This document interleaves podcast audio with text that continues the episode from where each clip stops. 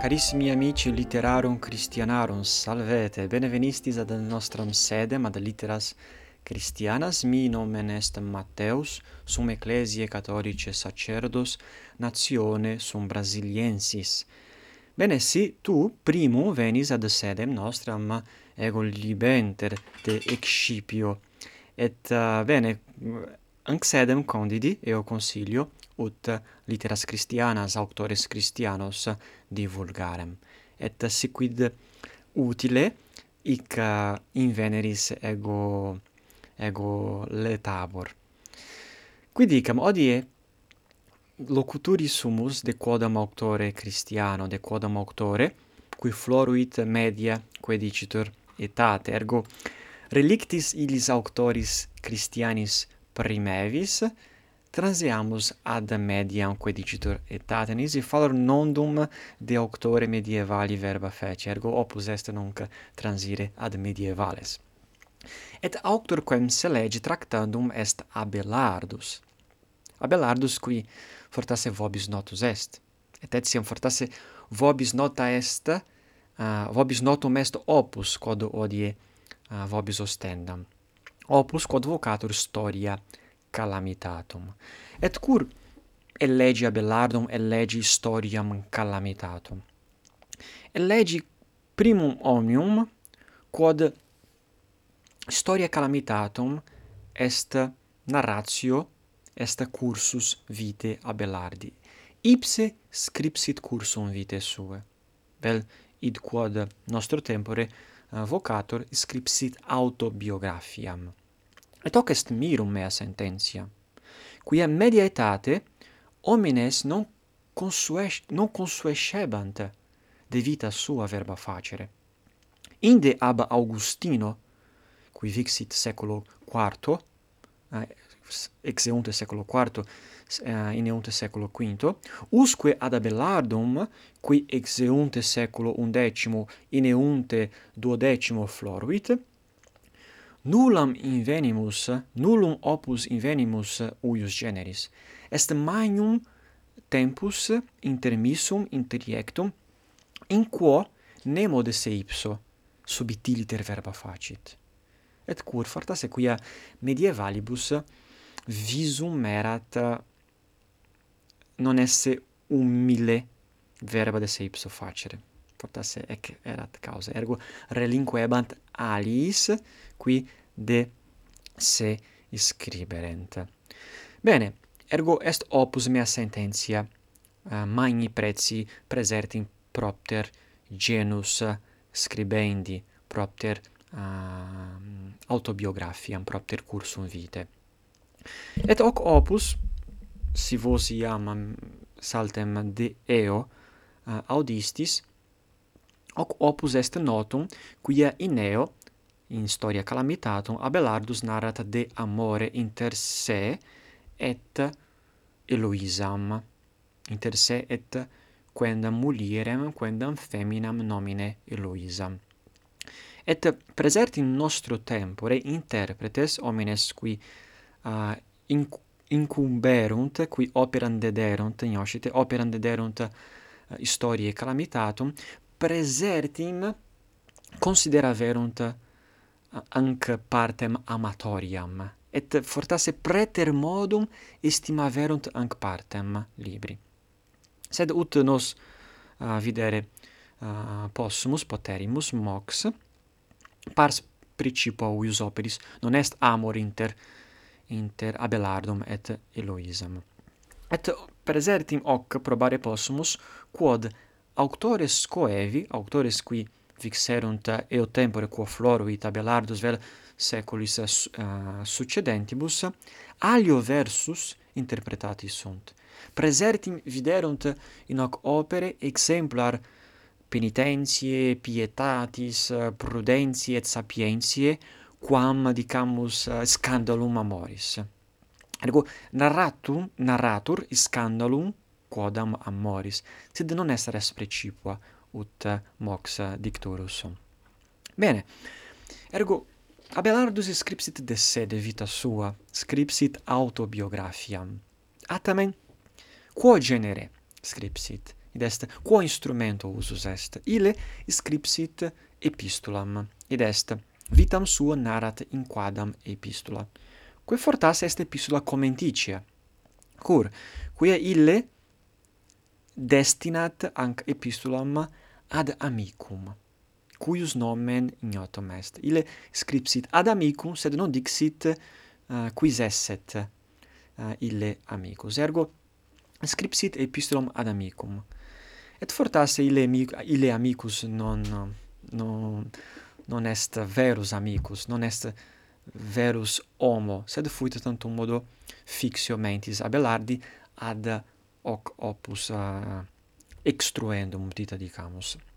Et cur ille si hoc fecit consulto, cur ille elegit genus epistolare, Fortasse quia in epistolis solemus scriber de nos metipsis, solemus dicamus de rebus privatis, de, de rebus intimis verba facere. Ergo, hoc erat instrumentum ei aptissimum ad uh, opus id genus scribendum, et ac de causa uh, sellegit genus epistolare.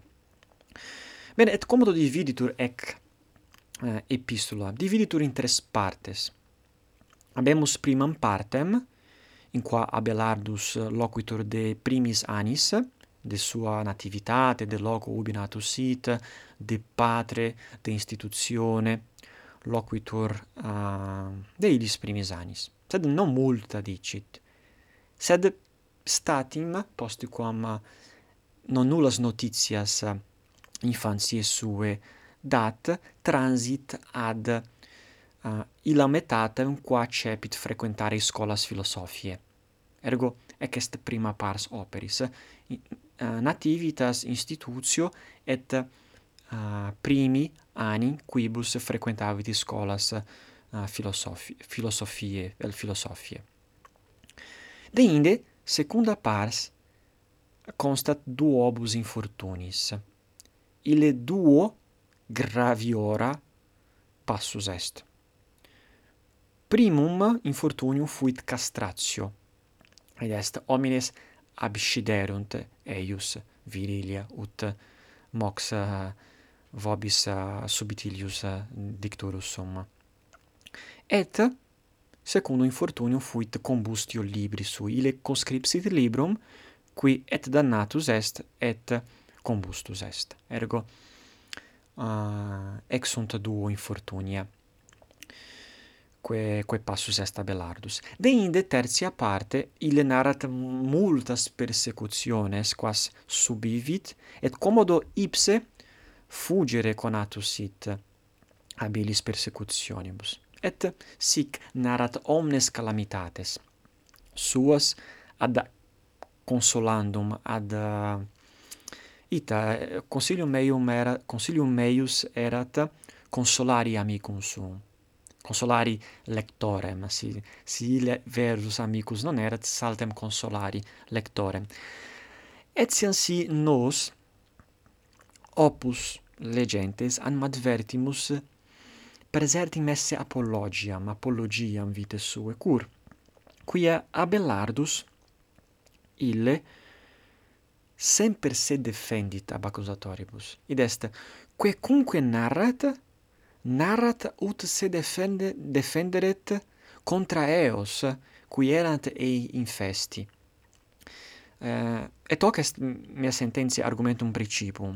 Nam, si multi si multa dicunt de amore inter Abelardum et uh, Eloisa, ut verum dicam pars principua operis est defensio, est apologia. Et omnia quae sunt descripta eh, in quibus etiam describitur ex storia inter Abelardum et Eloisam, omnia aptantur, omnia conveniunt ad hoc principium uh, anc principuam metam, id est defendes, defendere, se ipsum defendere contra detractores, contra persecutores. Bene, quid amplius? De lingua pauca dicam, qui Abelardus erat vir eruditus, ille erat eruditus, bene conoscebat auctores classicos, non solo auctores christianos, in hoc opere um, legimus mult, uh, multos locos ex auctoribus classicis de promptos ile uh, affert locos Ciceroni, Senece, Virgili, Ovidi, uh, Platonis, uh, et Hieronimi et multorum aliorum scriptorum. Ergo ile erat erudit, eh, versatis bene eruditus in litteris eh, ilia versatus erat, et scribebat sermone emendato et elegante mea sententia, quamquam interdum sunt non nulla vocabula, quae sunt medie, medietatis propria, id est quae sunt aliquantum aliena ab illud exemplare uh, latinitatis. Sed sunt pauca, et non sunt, fre, non sunt, non sunt frequentia vocabula, ergo hic illic uh, non nulla offendimus, sed non sunt multa, ergo non potuit vitare quominus uh, eh, vocabula medietatis diceret, sed ille, dicamus, servat bene structuram orationis, structuram linguae classice, quae dicitur. Bene, ergo, nunc, non possum omnia leggere et enodare, qui non est series illa lexio et enodatio, sed possum, dicamus, affectare vitam eius paucis verbis uh, ample, am, amplecti, complecti, ergo conabor uh, eh, pro viribus uh, vobis presentare uh, illa principua momenta vitae sue et fortasse legere non nullos locos qui sunt uh, maioris momenti. Bene, ille incipit, et uh, ostendit uh, sum propositum, dicit se scri scribere ad amicum, uh, il non dicit ad lectore, se dicit ad amicum, ad quem scribit epistulam. Ergo, ego tibi scribo, ut uh, aliquam consolationem invenias, eo quod scio te multa uh, passum esse, sed sim meas calamitates, uh, sim meas calamitates uh, scis, eh, intelliges tuas esse minoris ponderis, eh, ratita di camus.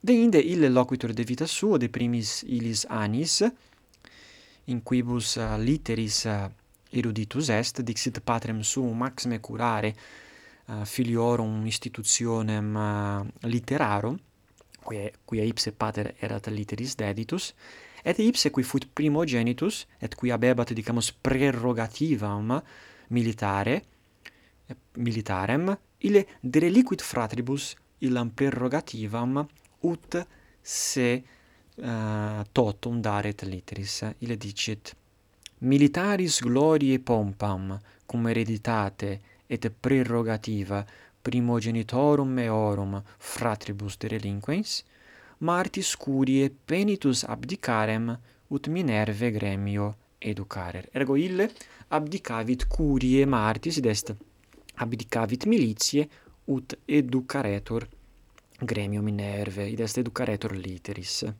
Sunt pulcra verba Abelardi.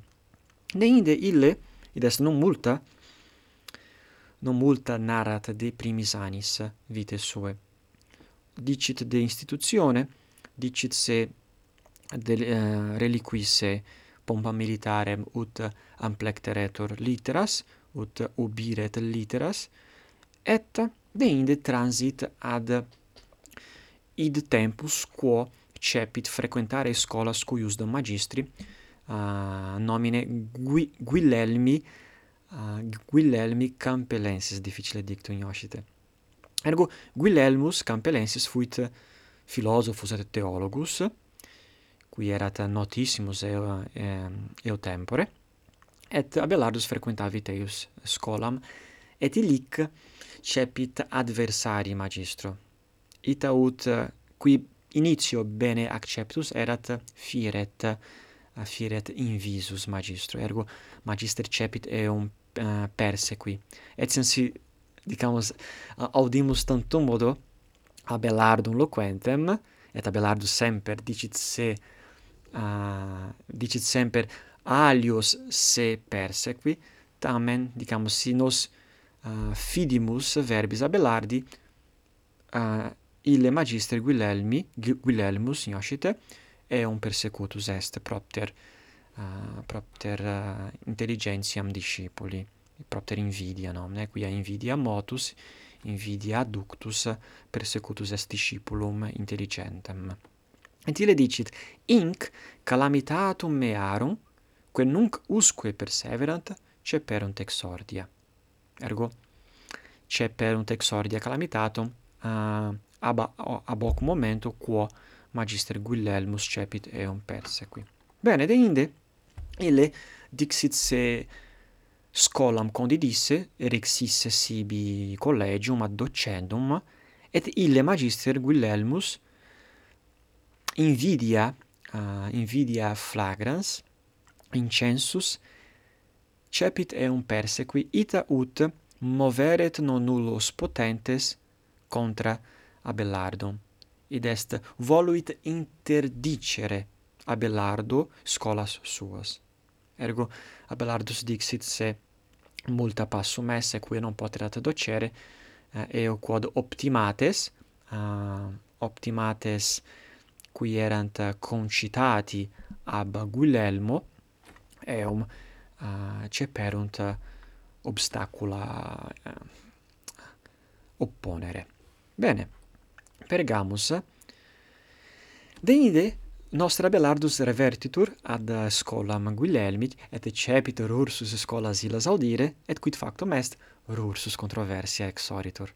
Ergo magister ille docebat de universalibus est argumentum frequentissimo apud medievales uh, est disputatio de universalibus, est res philosophica, quae est res quae nascitur apud grecos, apud philosophos grecos, sed qui permeata totam mediam mettatem.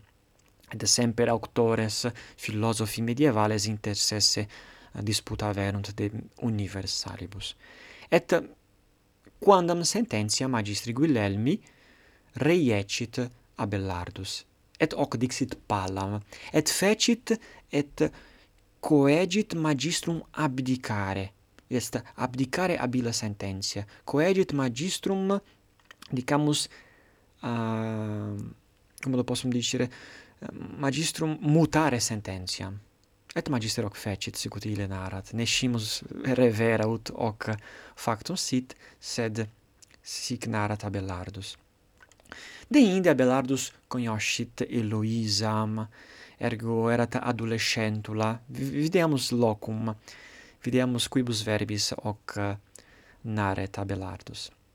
Erat quipe in ipsa civitate Parisius, adolescentula quedam nomine Eloisa.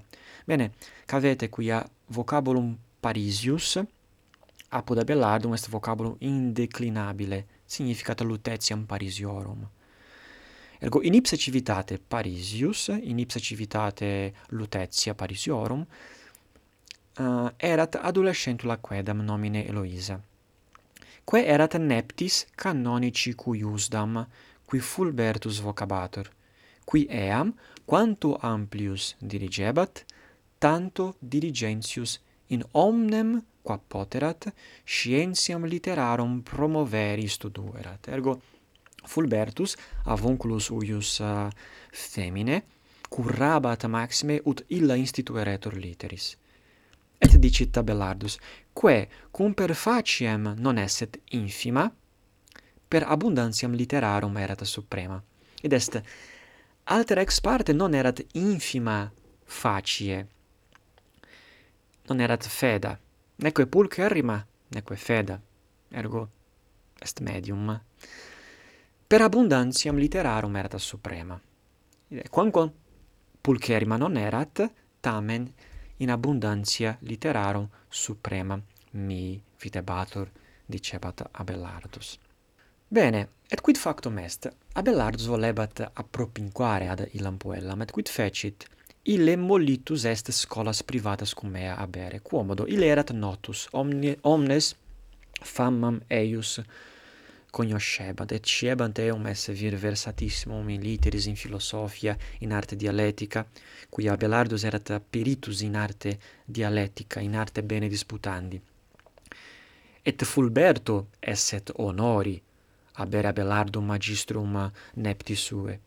Et quid factum est? Abelardus cepit ad movere quosdam homines, qui erant noti Fulberti, no, noti Fulberto, ut ii homines inducerent fulbertum ut faceret Abelardum magistrum privatum Eloise. Et Fulbertus cum hoc uh, audiviset venit ad nostrum ad nostrum Abelardum et uh, proposuit ei ut uh, firet magister magistre Eloise. Et il libentissime accepit sicut ex sententia uh, expectabat ergo omnia facta sunt ex sententia et ille cepit frequentare illam puellam frequentarem domum meius. Et videamus quid ille uh, quid ille dicit actum itaque in nobis id est inter eum et uh, Eloisam. Uh, actum itaque in nobis est, quod in Marte et Venere deprensis poetica narrat fabula. Non multo autem post, puella se concepisse comperit, comperit. Et cum summa exultatione mici super hoc illico scripsit, consulens quid de hoc ipse faciendum deliberare. Ergo, ego pretermito multa qui il narrat de illis scolis, uh, eh, quo id est commodo se abebant, commodo se aberent, ille se vultis ergo potestis legere quia proposito meum est, non omnia dilucide et subtiliter tractare, sed saltem incitare vos ut ipsi legatis opus, ergo ille omnes subtilitates, omnes, o, omnia minima, Eh, uh, uius historia narat, ergo si vultis potestis legere historiam calamitatum, sed ille, uh, ille dicit, bene, quid factum est postea, est post illas scholas post anc familiaritatem acceptam cum puella, quid factum est, puella concepit. Eh, gravida facta est concepit. Genuit. Et, dixit, bene, quid faciamus nunc? et abelardus quid fecit? Abelardus eam sumpsit et furtim nocte uh, portavit in domum sororis suae ergo ille surripuit puellam ille rapuit puellam et portavit et atulit puellam ad uh, sororem suam. Et illic mansit Eloisa quousque uh, quousque pareret filium et filius eorum vocatus est astralabius ergo nomen eius erat nomen eius fuit astralabius. Bene. Deinde uh, Eloisa Belardus uh, constituit eam in matrimonium ducere eam uxorem ducere sed illa noluit illa noluit quia putabat uh, hoc uh, ei esse infamie. Ergo conata est eum dissuadere. Et eh, uh, ix sermo, quem abuit Eloiset, uh, eh, quorum verba refert Abelardus in, uh, in storia, calamitat in storia calamitatum, est sermo refertus citationibus auctorum optimorum.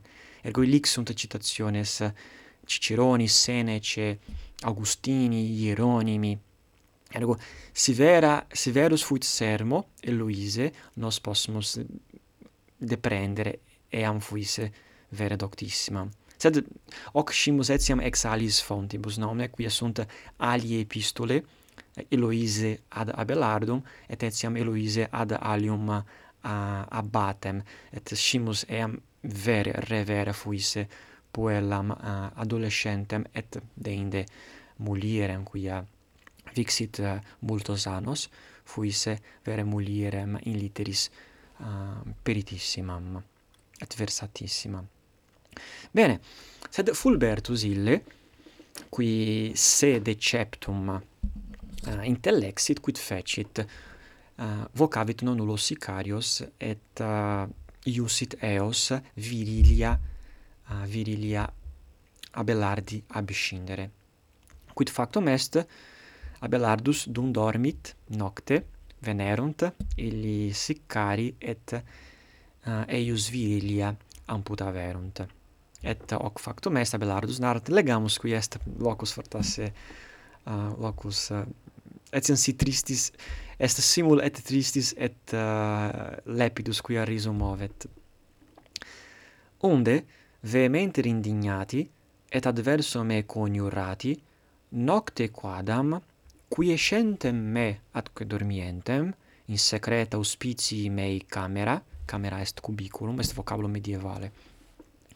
Quodam mi serviente per pecuniam corrupto crudelissima et pudentissima ultione punierunt et quam summa admiratione mundus excepit.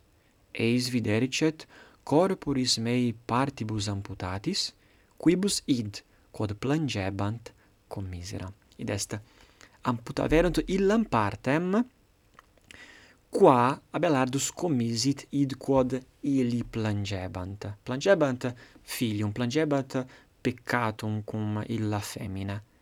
Et quid fecerunt amputaverunt illam partem qua peccaverat Abelardus. Bene, deinde narrat de fuga sicariorum et dixit sicarios uh, deprensos esse et uh, et ita et bene qui eos qui eos uh, capta verunt et siam eorum virilia amputaverunt ergo et sicari idem eandem in iuriam passi sunt. Deinde quid factum est? Ille uh, propter hoc vita monastica amplexus amplexus est. Ut dixit non conf non devotio conversionis eh, uh, eum movit ad uh, vita monastica sed confusio pudoris dest propter illud factum. Ille se ad vita monasticam dedit. Bene pergamus quia tempus fugit. Ille de indescripsit tractatum de trinitate divina et de unitate et emuli et viri qui erant in festi ei emuli eius ut ipse ut ipse Abelardo solet dicere emuli mei ceperunt eum persequi cur qui Abelardus erat vir doctus et multos discipulos attraebat. Et i emuli ceperunt accusare eum accusare uh, eum eo quod scripsit unc libro in quo erant non nulla uh, quid dicam erant errores contra fidem. Sed Abelardus dixit bene facciamo ergo ah, de, opus est examinare opus est examinare opus. Et quid fecerunt illi emuli? Convocaverunt consilium des vocaverunt episcopum archiepiscopum et vocaverunt alium episcopum legatum qui erat eo tempore in Gallia ego non dixi ubi ubi natus sit et ubi versatus sit noster abelarus in Gallia in Oscite. Quia mi erat dicendo initio sed oblitus sum ec omnia facta sunt Gallii et et Gallia et in Gallia nactus est et in Gallia natus est et ec omnia facta sunt in Gallia in Oscite. Ergo convocaverunt consilium et post non nullos dies uh, i emuli eh, uh, aduxerunt episcopos ad eh, uh, damnationem. Des episcopi non lebant dannare Abelardum, quia nil, nil uh, nullum errore ma in, invenerunt, sed illi, illi emuli eos, uh, dicamus, eis persuaserunt. Et hoc factum est, ille condemnatus est, et liber suus igne Ah, uh, igne combustus est, ergo opus fuit igni mitere librum. Bene, et non solum hoc, sed etiam ille fuit uh, coniectus in monasterium. Factus est monacus in quoda monasterio uh, punitionis causa, ergo hoc factum est. Et illic, eh, hoc primum factum est, ille precem ad Deum dirigit, quia. Tota storia ad hoc tantum modo est narratio ad lectorem ad lecto lectorem epistolae nunc ille verba facit ad Deum id est animum sum in Deum intendit. Legamus quid ille dixerit, quia. Dixit sicut uh, facebat Augustinus nomne, Augustinus memoria repetebat, vetera sua, et deinde precabatur Deum. Et videamus quid noster Abelardus nunc facit. Abas autem et monachi ilius monasterii, id est monasteri in quod receptum est post condemnationem, me sibi remansurum ulterius arbitrantes summa exultatione susceperut. Ergo, eh, uh, monachi et abas ilius monasteri, in quo inclusus est, eum bene susceperunt. Et quo omni diligentia tractantes, consolari frustra nitebantur. Ego nitebantur eum consolari, etiam si frustra. Deus, qui judicas equitatem, quanto tunc animi felle, quanta mentis amaritudine te ipsum insanos arguebam, te furibundus accusabam, sepius repetens illam beati Antonii conquestionem, Iesu bone ubieras.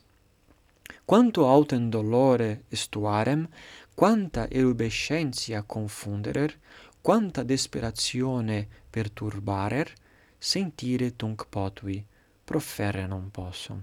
Ergo ex sunt verba ad Deum directa.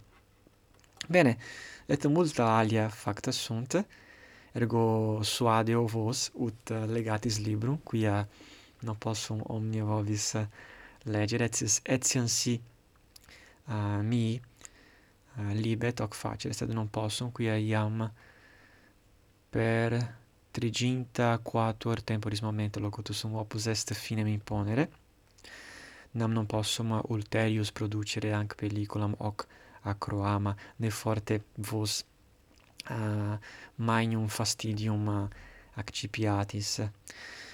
Bene, quid factum est, ille postia uh, educitur, uh, eductus est ab illo monasterio, versatus est in alio monasterio, de inde fugit, quia maiam persecutionem passus est, ille extruit oratorium suum quo cepit lic vivere, discipuli veniunt ad eum et eh, uh, dicunt bene nos hic eh, uh, volumus vivere tecum et ille accipit discipulos et nascitur quasi eh, uh, monasterium quia discipuli e ad emeratione vivendis uh, e ad emeratione vivendis servabant ac ipse ac ipse abelardus.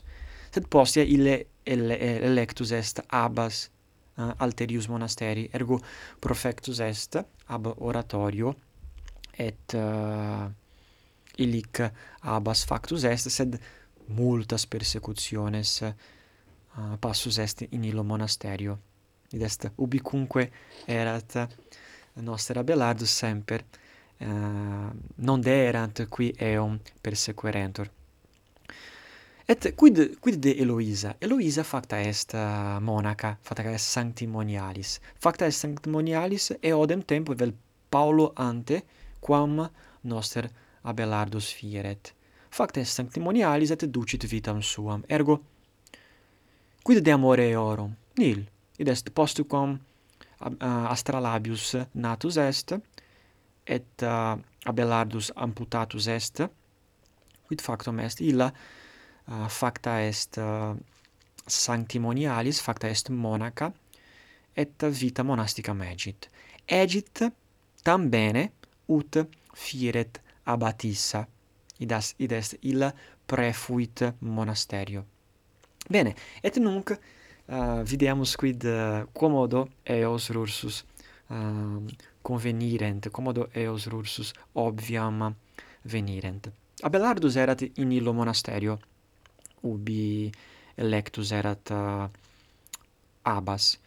Eloisa erat abatissa in alio monasterio sed monasterium quo vivebat Eloisa et sanctimoniales uh, illud monasterium quidam abas alius abas vindicavit vindicavit monasterium sibi. Et quid fecit quid fecit uh, pepulit Eloisam et sanctimoniales? Id est abas quidem qui dicebat se abere possessionem ilius monasteri id est dicebat possedere illum monasterium, ille vindicavit, et Eloisa con sui sanctimonialibus non habebant amplius monasterium. Et ubi primum hoc scivit noster Abelardus quid fecit, ille dixit nolite timere, quia habeo oratorium et potestis illic vivere, et ille donavit illud suum oratorium, quod construxerat, et in quo vivebat cum discipulis suis, et dedit Eloise et sanctimonialibus suis. Ergo monasterium Eloise translatum est ad oratorium Abelardi. Et Abelardus uh, eh, per exit vitam suam vivere, per exit res suas agere. Etiam si interdum convenirent, quia uh, Eloisa uh, passa est in opiam, passa est uh, non unos difficultates, presert in rebus pecuniaris, et Abelardus solebat non nulla ferre ad monasterium eius. Ergo potuerunt uh, rursus convenire. Et fuit commercium epistolare inter eos, id est preter, uh, preter uh, ec momenta quibus Abelardus ad monasterium veniebat auxilii causa, uh, auxiliandi causa, fuit commercium epistolare inter eos. Et e epistole supersunt. Ergo, si vultis potestis venire in rete uh, epistolare inter Abelardum et uh, et Eloisam. Et ut videre possumus post nativitatem mastro uh, astralabi et post cum Elisa Eloisa et Abelardus facti sunt religiosi non fuit inter eos uh, amplius commercium uh, affectuosum dita dicamus non fuit inter eos amor sed fuit praesertim uh, desiderium vitae desiderium sanctitatis uh, consequende. Vel saltem hoc deprendere possumus ex scriptis Abelardi et Eloise. Ergo id quod sepissime dicunt nostro tempore fortasse non est strictissime eh, id quod uh, factum est revera Bene, satis est qui eh, iam.